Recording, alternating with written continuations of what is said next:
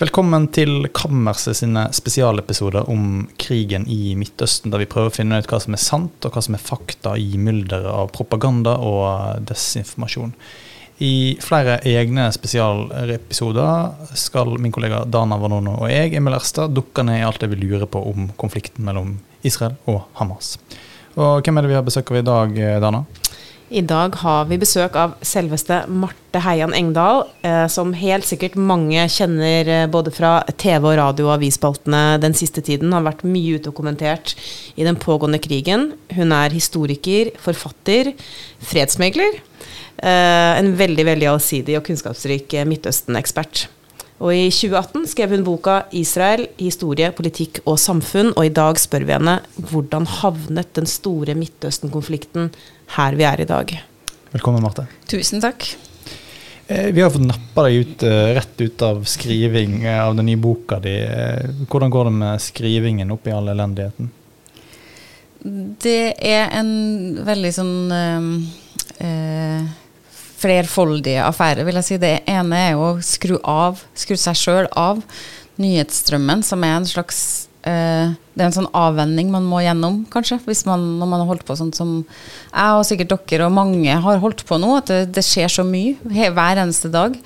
Um, at uh, det er vanskelig å Det er både vanskelig å henge med, og det er vanskelig å vri seg vekk. Uh, men når man skal skrive bok, så i hvert fall som historiker og for min del, så er det veldig viktig å egentlig prøve så mye som mulig å se vekk fra sånn slag for slag, liksom, kule for kule, hva er det som har skjedd?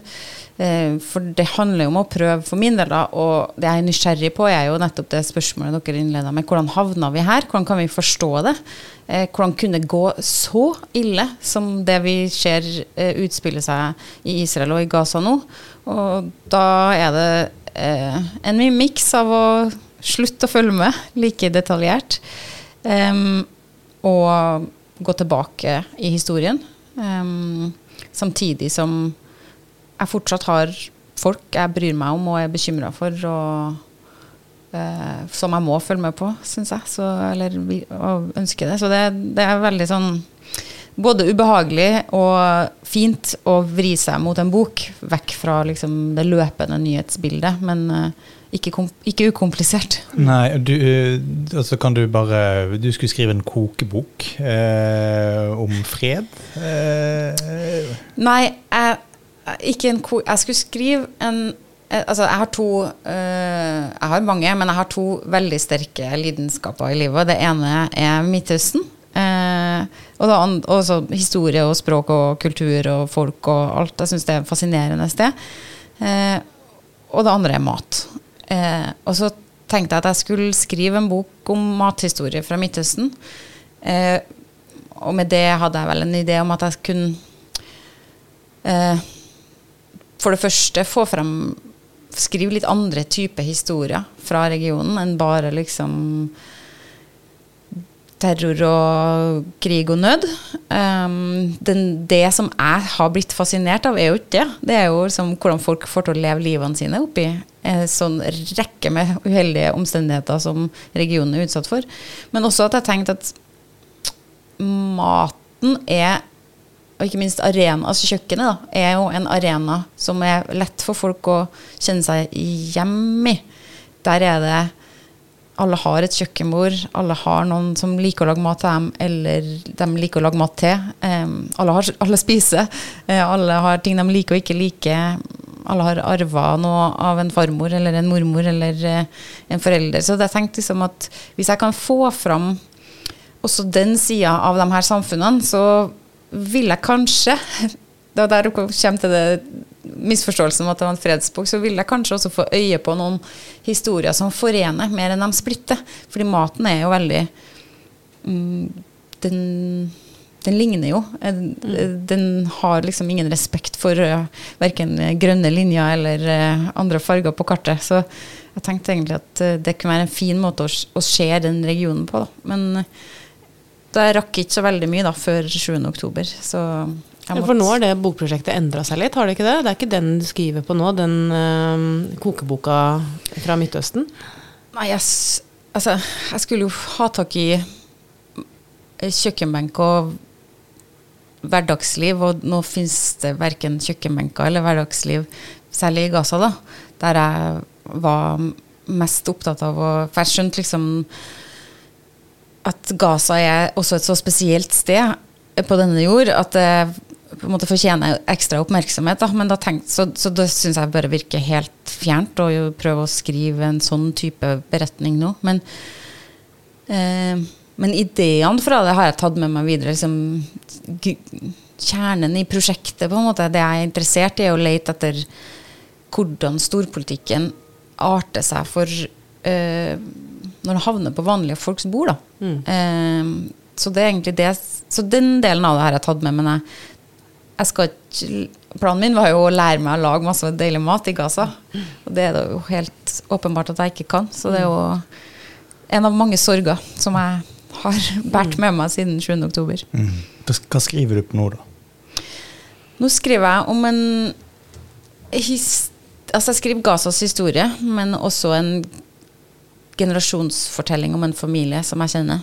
Um, som, uh, så det er på en måte 100 år som uh, hjem og slagmark i Gaza. Og prøve å egentlig svare på det spørsmålet som dere stiller her òg, da. Hvordan havna vi her? Hva, hvordan kan vi forstå det?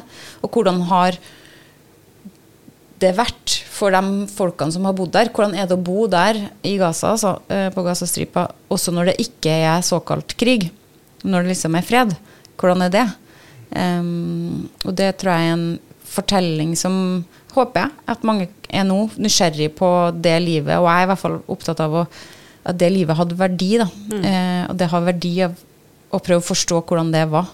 Eh, det er noe som er knust nå, men det, det var noe. Eh, og jeg har lyst til å prøve å vise det fram. Mm. Men eh, tilbake til dette store spørsmålet. da. Hvordan havnet vi her? Eh, du skrev jo en bok i 2018 om Israels historie og politikk og samfunn, og nå skriver du boka om Gazas historie. Og hvis du skal trekke noen litt sånn Det er jo et stort spørsmål med veldig, veldig, veldig mange svar, helt sikkert. Men vi skal prøve å trekke noen overordnede linjer.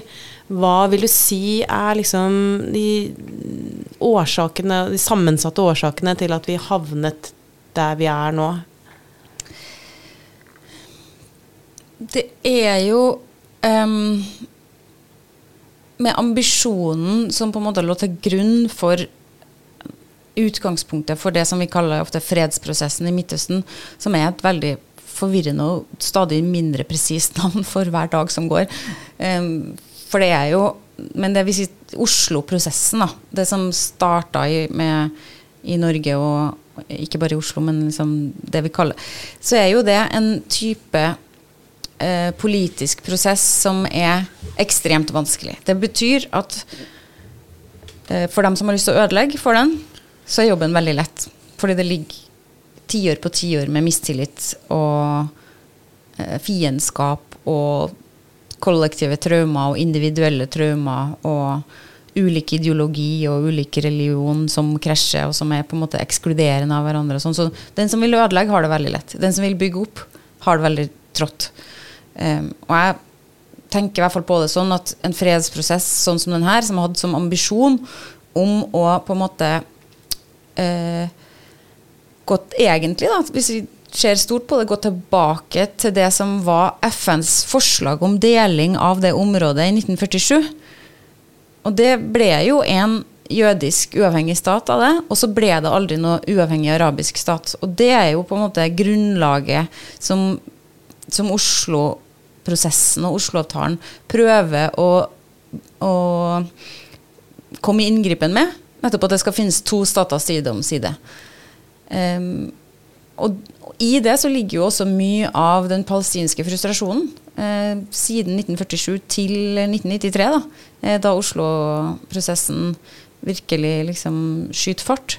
At man ikke har fått den staten. Og så kan man kanskje tenke på det som at siden da så har Det er jo ikke sånn at ingenting positivt har skjedd i området. Eller at ingenting bra er bygd, eller ingen bra politikk er utvikla, eller ingen gode ledere har vært der, eller ingen ikke noe håp. Det var aldri realistisk. Men jeg prøver å tenke på det litt som at hvis man ser for seg at det er to spor som går, framover. Og i det ene så var Oslo-prosessen et forsøk på å bygge den palestinske staten. På mange måter litt likt sånn som sionistbevegelsen bygde staten i Israel eh, før eh, 1947-1948 faktisk med å bygge den. Eh? Diplomatisk og politisk støtte, men også er det, handler det mye om statsbygging. er jo fysisk bygging. Sånn mm. Det er skoler og, og, ja, skoler og veier og gudshus og eh, institusjoner osv. Så, videre. så den palestinske statsbygginga har jo egentlig kommet veldig langt. Det er også grunnen til at mange land har anerkjent Palestina som en stat. Det er grunnen til at det finnes masse statsinstitusjoner. Eh, så på sett og vis har det sporet har liksom beveget seg framover. Men det er forhandlingssporet som skal liksom løsrive Gjøre den staten som er bygd, til en reelt uavhengig plass der folk kan leve frie liv, trygge liv, og det kan være en sikkerhet for dem og for den jødiske staten og dens innbyggere side om side. Den, det sporet der har, det har aldri beveget seg framover i samme tempo. At, Hvorfor ikke det, da? Nei, og Der er vi tilbake til det at det er jo Der er det politisk vilje som må til. Her kan du på det første sporet Nå driver jeg med veldig mye gestikulering for lytteren. Eh, så det er ikke så lett. Men jeg prøver her med mine hender å skyte ut to ulike to spor. spor. Mm, det ene sporet går én vei, det andre går en annen vei. Ja. Ja. Eh, men altså, langs det politiske sporet så, så, kreves det jo politisk vilje, så da må du ha politisk lederskap som både evner og har lyst til å bygge den staten som faktisk etableres og bygges og institusjonaliseres langs det andre sporet. Og der har jo eh, palestinerne eh, hatt sine problemer, og Israel har gjort sitt for at det ikke skulle lykkes, og har jo etter min mening aktivt undergravd det statsbyggingsprosjektet ved å splitte og hersk. Kjør palestinerne opp imot hverandre, dra Gaza lenger fra Vestbredden, altså ikke geografisk, men politisk, og eh, problemmessig så blir det liksom to mer og mer ulike palestinske virkeligheter. Og så finnes det i tillegg til det liksom en haug med andre. Så er det terror. Så er det eh, enda mindre. Så er det liksom ikke at det som har vært det mer moderate palestinske lederskapet, har ikke blitt belønna for sin forhandlingsvilje, mens de mer radikale har kunnet innkassert, liksom, sånn som Hamas da, for eksempel, har kunnet innkassert eh, seire i deres virkelighet som noe som den militære motstanden har oppnådd. Og sånn sett så har man liksom spilt prosessen veldig dårlig da, fra israelsk side. Så hvis, hvis, det var sånn at Benjamin Netanyahu var veldig engasjert og opptatt av å få til en tostatsløsning, så har han holdt det veldig godt skjult. da. Altså, dette syns jeg er litt vanskelig å forstå. Jeg tror kanskje en del lyttere òg sliter med å forstå det. Uh, og det er jo det du sier om at aktører som ønsker å bygge ned og rive ned fredsprosessen, uh, kan du konkretisere hvem de er, og hvorfor altså, Hva er det som driver denne viljen til å bryte ned og ødelegge? Altså, mannen som drepte uh, Yitzhak Rabin i 1990 ja, etter fredsprosessen. Mm. Ja, etter fredsprosessen i Tel Aviv. Um, F.eks. Altså Benjamin Netanyahu, Hamas, masse aktører her som vil rive ned dette. Hvorfor? Det er jo helt umulig å gi et svar på, fordi um, det er alle mulige motivasjoner som uh, politikere eller ekstremister har. Noen er jo ikke helt rett. Altså, de har det ikke bra og er syke. Og uh, noen har en ideologi som er helt forskrudd. Uh, og den tredje har kanskje et religiøst syn som gjør Som er fundert på en ekskluderende forståelse av verden. Der det ikke Hvis det er plass til meg, så kan det ikke være plass til deg. Da er du eh, i veien for mine ambisjoner. Og så har du eh, poli personlige politiske ambisjoner. Eh, det er jo masse innenrikspolitikk i det som er sikkerhetspolitikk, da, egentlig, for de to folkene her. Eh, så det er jo Yasir Arafat var jo også opptatt av å holde mest mulig makt på sine hender og ha en liten kjerne rundt seg som holder den kontrollen. Eh, det er, da blir han og hele partiet stadig mer lukka, stadig mer Og når da de ikke får heller til å levere på det politiske, så er jo deres politiske motstandere Hvis man kan liksom orke å se for seg at det også er et innenrikspolitisk spill i Palestina, for det er det, så har jo de en ganske enkel jobb egentlig med å peke på Så det er ikke sikkert at de er mot at de ønsker å rive ned for å rive ned, men de er mot politiske motstandere og bruker da fredsprosessen eller det man ikke oppnår, til å slå politisk mynt på det. Eh, og så det, prøver jeg ikke på noen måte å undergrave at det også finnes masse antisemittisme.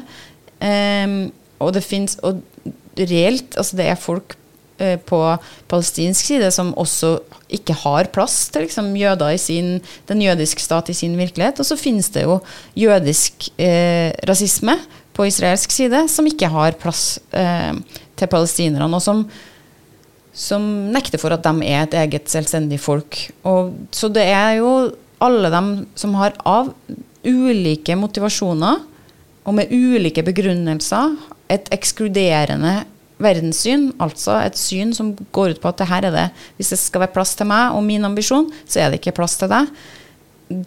Jeg tror det er mest, for min ryddige måten å prøve å tenke på.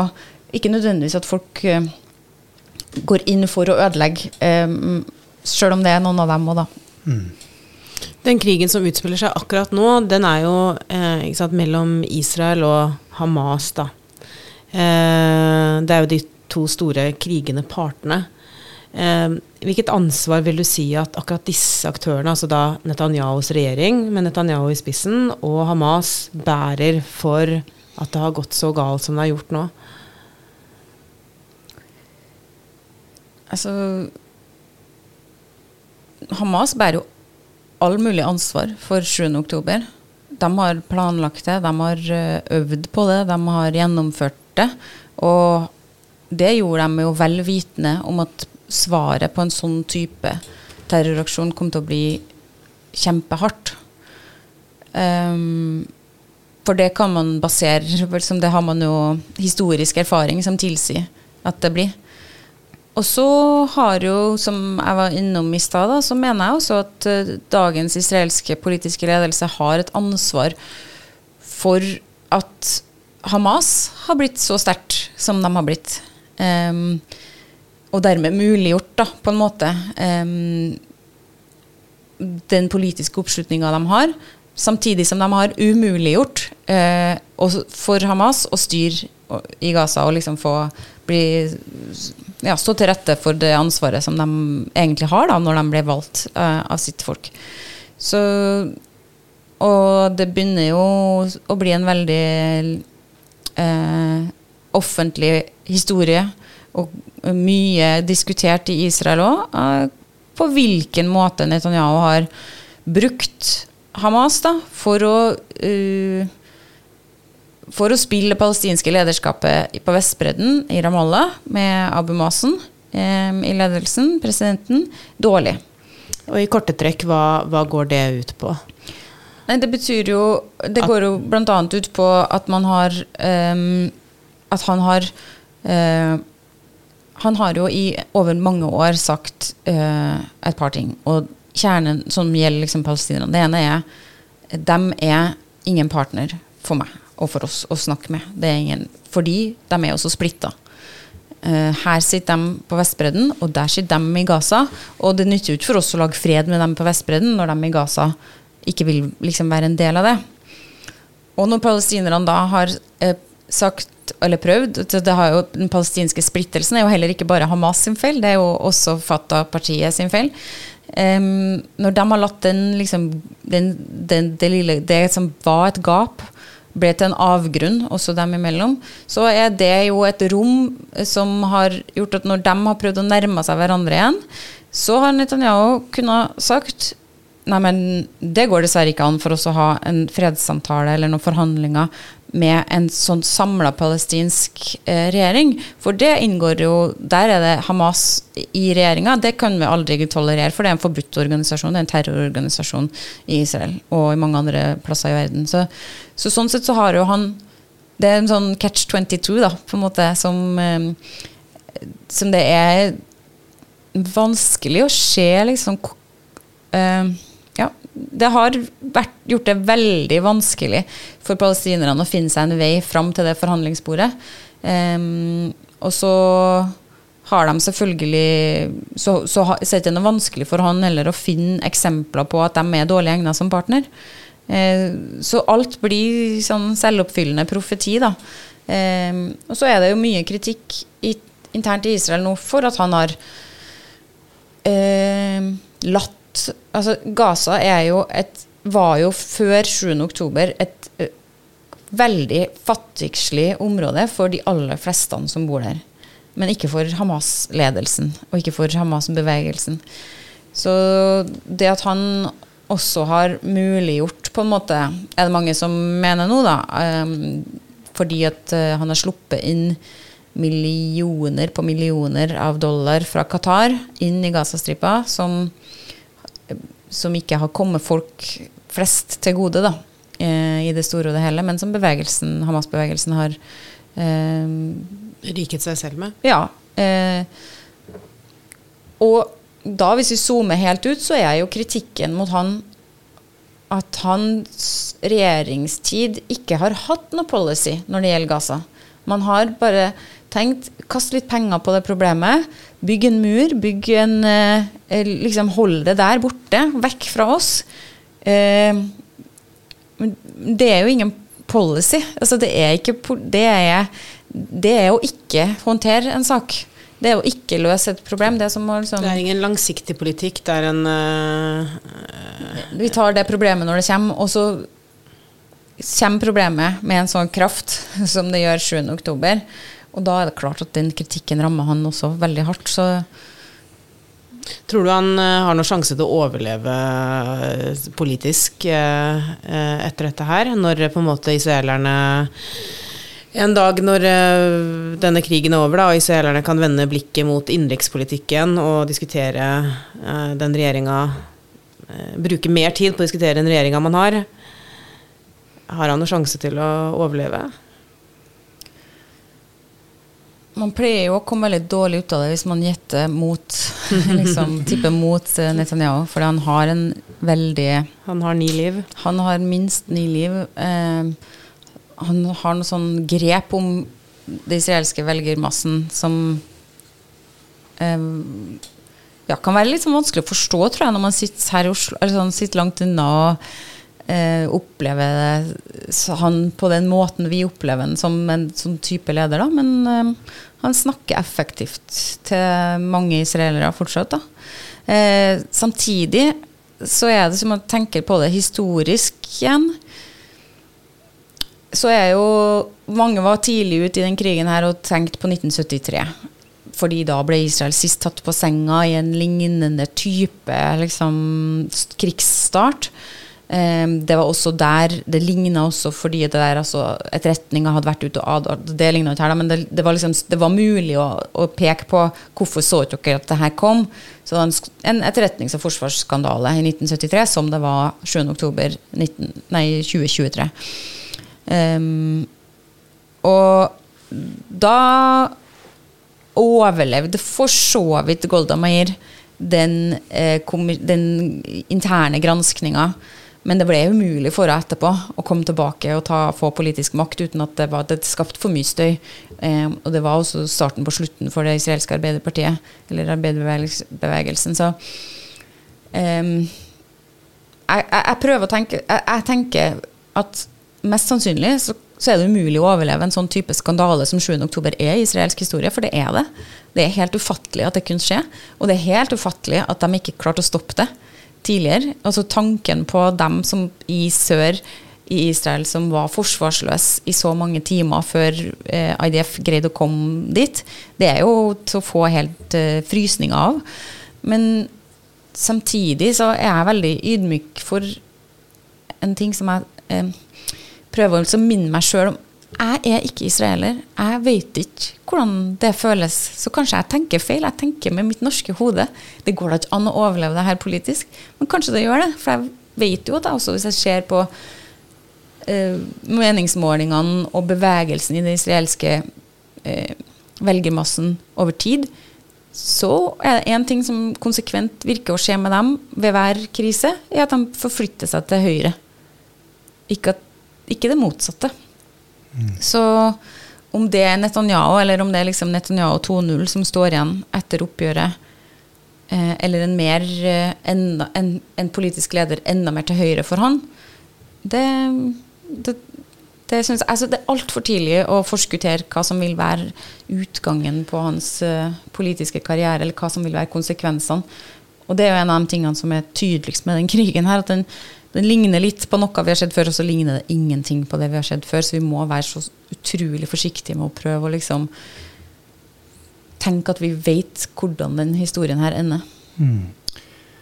Hvis du tar oss med da inn i altså Du jobber jo i, eh, i eh, Noref, eh, som de driver og lager fred eh, rundt omkring i verden. Eh, kort oppsummert, eller hva er den, kort, den korrekte beskrivelsen? Noref er jo en uavhengig stiftelse som jobber med konfliktdiplomati mm. i hele verden. Og det betyr at man jobber med um, både med som, å støtte de formelle prosessene der Norge har en rolle. Um, men også at man driver i mer diskré virksomhet og prøver å legge til rette for dialog mellom grupper og land og, som er i, i, i, krig med hverandre eller i konflikt med hverandre. Nettopp litt sånn hysj-hysj-jobbing? Uh, uh, ja, det er liksom et uh, Ja, det, det, er nødvendig at det arbeidet foregår uten Vårt Land-redaksjonen på slep hele veien. Ikke fordi at uh, det ikke tåler dagens lys, eller, men det er rett og slett folk Du kan tenke deg nå, da, hvis Hamas-ledelse Hvis vi bruker denne krigen som et eksempel, da. Hvis Netanyahu nå sa, tenkt, satt i stua si hjemme og tenkt det her kommer jo ikke til å gå bra. Jeg må jeg burde ha hatt en direkte kanal til Hamas, egentlig. Sånn som eh, rabbin skaffa seg med PLO på starten av 90-tallet. Det er jo en sånn type Selv om de er terrorister her nå, så er det jo det som er Vi må snakke sammen. Jo, hvis du ser for deg det, liksom det eh, fantasiscenarioet, det der eh, Det ville jo satt han i en utrolig sårbar og utsatt posisjon både i sitt parti og i sitt politiske landskap. Da har vi tilbake til det vi starta med å snakke om, om alle dem som kan ødelegge. Da kan du ødelegge før du har starta. Eh, så det er egentlig hovedgrunnen. Noen tar jo stor eh, fysisk risiko også ved å sette seg ved, med, med, fienden sin. Um, både fordi man kan bli angrepet av egne, men også fordi de ikke stoler på hverandre mm. eh, i sånne tilfeller. Så, så diskresjonen handler mest av alt om å beskytte prosessene samtalene og beskytte de enkeltindividene som er modige nok til å ingen, Det er jo ingen garantier her, så da vi, de, de, er modige nok til å se for seg en annen verden. Da.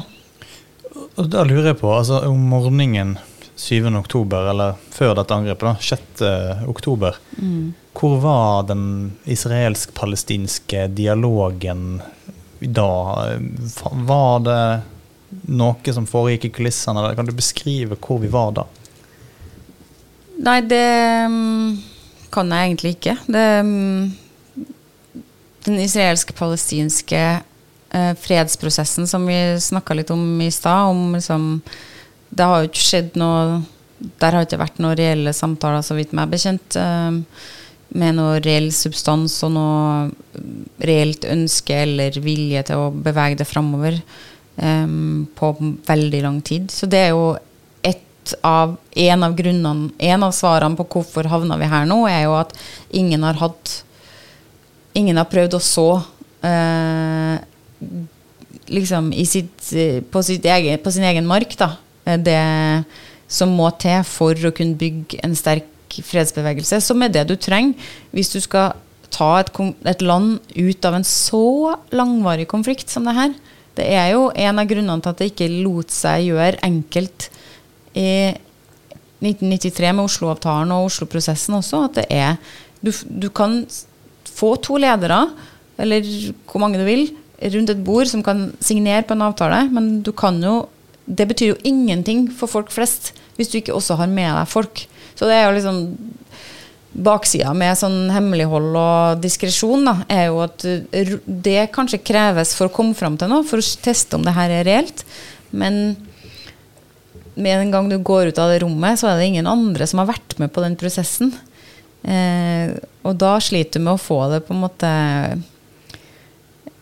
Ja, eh, at folk skal føle at det her er en fredsavtale som angår dem eller deres liv. Det, det er vel også et av problemene med Oslo, at den, den kom seg f.eks tenker jeg det virker Altså, den kom seg nesten ikke til, til Gaza i det hele tatt. Nei. Og når du nevner Gaza nå, du skriver jo på en bok som blir litt annerledes enn eh, du opprinnelig hadde tenkt deg. Um, og du skriver Gazas lange historie, en 100 år lang historie. Uh, kan du ta kortversjonen av den for oss? Kortversjonen er jo eh, at eh, Gaza var som eh, resten av det området et eh, del av et, det som i det osmanske riket var et administrativt område. Um, og så Det er ikke sånn som man går rundt og tenker på til vanlig, men uh, under første verdenskrig så taper jo osmanske riket.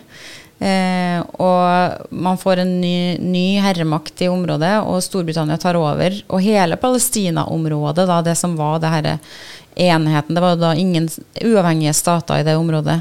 Eh, som det som det Palestina-mandatet havner under britisk kontroll, og er det fra 1917 eh, til Storbritannia får nok i 1947 og gir hele Palestina, og da Gaza, over til FN.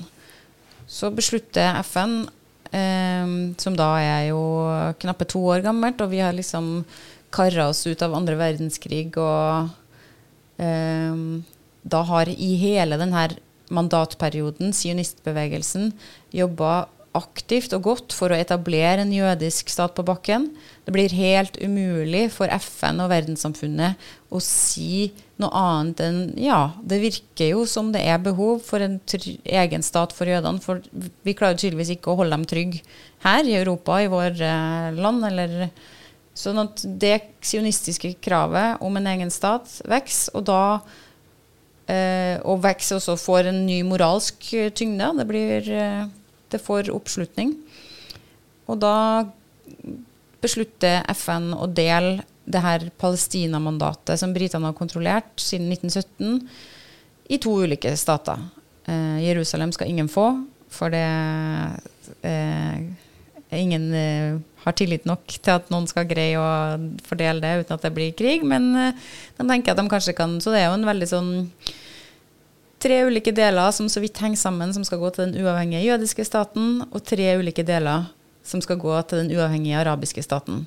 Og Gaza er da en del av den eh, arabiske statens territorie.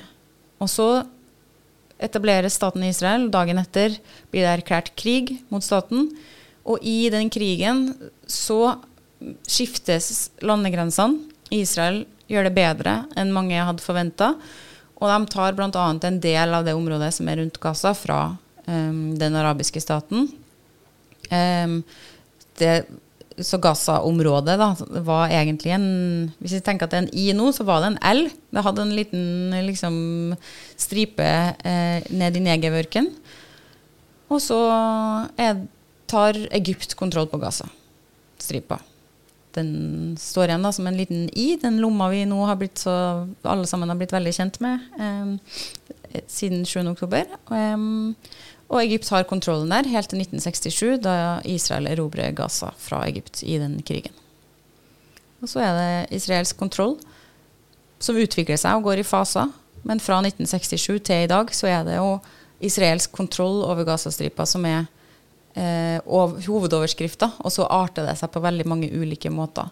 Og Israel trekker seg ut i 2005 helt fra området, og fra da av og så er det den isolasjonsstrategien, eller den eh, som, Israel, eh, som, vi, som, vi, ser i dag, der Israel ikke er, står inne med soldater og bosettere, men kontrollerer grensene i lufta, i vannet og langs land rundt Gaza. Så det er Gazas historie i veldig korte trekk. Og for eh, Gazas befolkning, du nevnte jo litt sånn innledningsvis at det er ganske stor forskjell på eh, levekårene til Hamas og levekårene til folk flest. Eh, men kan du fortelle litt om levekår, altså hvordan lever folk flest? Ja, altså Poenget mitt var mer at Hamas er jo folk flest. det er nå det første. Hamas-lederne, tenkte jeg. Ja. Men det som vi snakka om i stad, er jo at Hamas har jo eh, Altså, det er jo ikke gratis å bygge opp den eh, eh, militære bevegelsen som de beviselig har bygd opp. Um, og tunnelene og rakettene og alt det, det koster jo penger. Så det, de har måttet ha brukt mye av det som kom inn til Gaza, på sin militære eh, virksomhet. Men eh, når jeg var der i september, så var det det, det, lå en sånn følelse av eh, Jeg være en som kalte det sånn Det er liksom uh, fight or flight-modus da, i hele befolkninga, på en måte. Alle, ikke alle, men altså, mange ønsker seg bare vekk derfra. Det er ingenting. Det fins ingen middelklasse. Det er ikke jobber for dem som tar utdanning. Så er det, som, så er det masse folk som har relativt høy utdanning, bachelor- og mastergrader med Kjøre drosje, sitte i, på fritidsklubber, altså liksom sitte på kafeer. De har ingen jobber å gå til. Så det betyr at det var mat i hyllene. Eh, det var varer, klær i butikkene. Det var masse tilbud, men det var veldig lite penger å kjøpe for. Så folk flest hadde lite. Så det er jo en sånn en del av den en, hva skal vi si, en underfortelling til den korte Gaza-historien som jeg ga dere nå, det er jo en økonomisk historie som, der det ikke er nok å bygge en økonomi på. Da. Eh, så det, det på en måte det er um, Gaza fikk i den første krigen i 1948 mer enn dobla innbyggerantallet sitt. Og det er altså et landområde som har uh, ganske få naturressurser og muligheter til å sette folk i arbeid, med en raskt voksende befolkning. Eh, 1,8 millioner med flyktningstatus av 2,2. Eh, totalt avhengig av eh, eh, humanitær hjelp for å overleve. Så i det så ligger det jo eh, veldig få muligheter til å bygge noe eh, bærekraftig økonomisk. Um, og det var veldig synlig. Um, det blir synlig fordi da folk får slit med alt mulig, da. Og trenger flere og flere tenkt bistand fra FN for å overleve. For å få nok mat. Uh, og for å og Fra før av helt avhengig av FN for skolegang og masse arbeids... Eh, FN er jo en stor arbeidsgiver på Gazastripa. Så for vanlige folk så vil jeg beskrive det som en veldig vanskelig økonomisk situasjon. Men det aller vanskeligste opplever jeg i hvert fall er at du ikke kan dra noe sted. Du er et støkk. Eh, det, er, det tar på. Mm. Og du, hvis du drar, så vet du ikke om du kommer tilbake. Det tar òg på. Så det er en, en sånn Folk kan jo overleve ganske mye eh, mange rare hverdager som folk har det ganske bra i. Som ikke ligner på våre nødvendigvis, men som, som ikke betyr at folk ikke har lykke. Eller eh, har gode familieforhold, eller eh, Ja. Men det der med den sterke Den innskrenkingen på bevegelsesfriheten, den, den er tung. Mm. Nå sier jo mange at vi må stanse krigshandlingene. Det var store demonstrasjoner i eh, norske gater nå i helga. Og, og, det samme ser vi i mange andre land. Amerikanske myndigheter legger press på Israel eh, til en viss grad, og, og andre, andre, land gjør det. Men spørsmålet Hvis Israel hadde stansa krigføringen i dag, hvordan ville det sett ut da i konflikten eh, mellom Israel og Hamas i morgen? Eller hva liksom Eh, denne, denne, frykten i Israel for at Hamas vil fortsette å gjøre dette igjen og igjen. Altså, hva kan du si om det? Hva er, vil, hva er alternativet nå?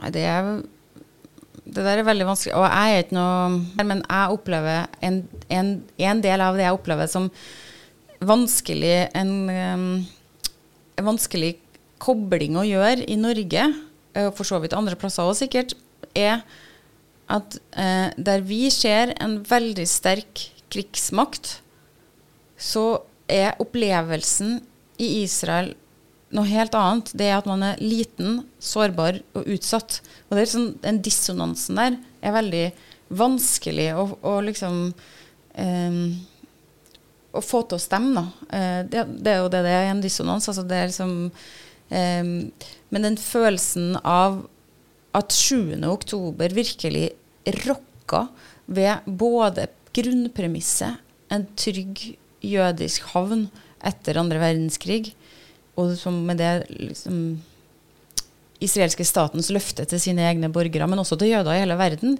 Det er jo forklaringa på at mange, jøder langt utenfor Israels grenser føler at 7. oktober opplever 7. oktober som et angrep på seg. Um, og da betyr det at i Israel nå så, så er det jo um, Det behovet for grunnleggende sikkerhet er ikke forhandlings... Det er non-negotiable. sier. Det, det, kan ingen av oss egentlig godta. Og så er det samme mekanismene sann på palestinsk side. Um, så det er um, Derfor så blir det litt sånn stilisert å sette opp sånn Nei, selvfølgelig hadde det ikke blitt trygghet for noen av dem hvis krigen slutta i morgen. Kravet om at krigshandlingene må opphøre, handler jo om uh, mange ting, men for meg i hvert fall så handler det om at uh, hvis de ikke gjør det, så kommer 18 000 døde til bare å være starten på den krigen her. Fordi de humanitære behovene er så enorme. Um, og jeg for min del ser det som stadig langt mer sannsynlig at man uh, vil ende med en massiv fordrivelse av palestinerne fra Gaza det er som at krigen stopper nå. Så, så det er ikke noe Svaret fra min side er i hvert fall ikke ja. Hadde Israel stoppa sin krigføring i dag, så det, det, hadde, det, lø, det, er ikke det som løser Men det, løser ikke problem, det underliggende problemet. Men det er um, det er, det er, vanskelig å overdrive hvor dramatisk situasjonen på bakken er. Og det er um, vitende At vi vet hva konsekvensene vil være. Det, jeg tror det er noe med det da, som gjør at, liksom, at, at, den humanitære pausen må på plass. Selv om den ikke løser eh, problemet. For det problemet kommer til å bli bare mye større, og det er liksom det jeg kommer tilbake til hele tida. For dem som er opptatt av både palestinsk rett til sikkerhet og israelsk rett til sikkerhet, så er det, hvis denne krigen får fortsette, mindre av begge. Det er liksom Hva er utsiktene eh, for at eh, det, altså kamphandlingene stanser i den i nærmeste fremtid? Nei, der eh, vet jeg sannelig ikke. Det, det kommer jo veldig mange ulike sånn Det er jo en ryktebørs uten like nå. Og som vi snakka om innledningsvis, så prøver jeg liksom å Jeg prøver å zoome litt vekk fra det og prøve å ikke Det er jo en sånn Hvis du ser eh, for deg at liksom, Gaza 2023-krigen er som en sånn eh, julelenke som går bortover, med masse sånne små lenker som henger nedover, så er det så mange tema nå. Så den krigen liksom, Hva skjer slag for slag, sånn som vi har holdt på med og fulgt med på Ukraina? og liksom hvor er det liksom skyttergraven er nå, og hvor er frontlinjene, og hvordan har det beveget seg. Det er nå ett nivå. Så er det det politiske forhandlingssporet for å få ut gislene og for å få inn humanitær hjelp. Og så har du liksom ytringsfriheten på amerikanske universitet. Jøder over hele verden som føler seg enda mer trua enn noensinne.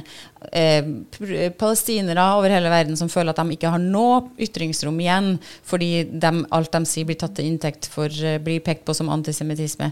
Og så har du liksom så har, eh, og så har du alle de spørsmålene om hva vil skje i Israel, hva vil skje i israelsk politikk, hva vil skje i palestinsk politikk, hva vil skje faktisk på bakken, hva vil skje med Hamas, hva vil skje med PLO, hva vil skje med Fatah, hva vil skje med Abu Masen, hva vil skje med forhandlingsbordet, hva vil skje med den norske rollen, hva vil skje Så det er sånn hundrevis av undertråder mm. i den hovedtråden.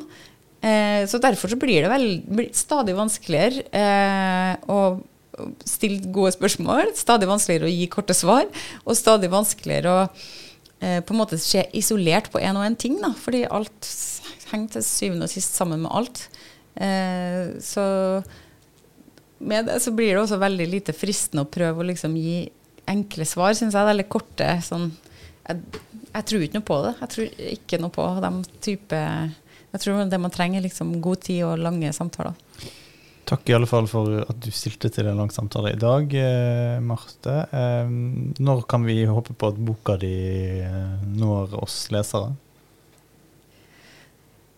Vi kan jo si 2024, og så er jo det en passeløs og god deadline.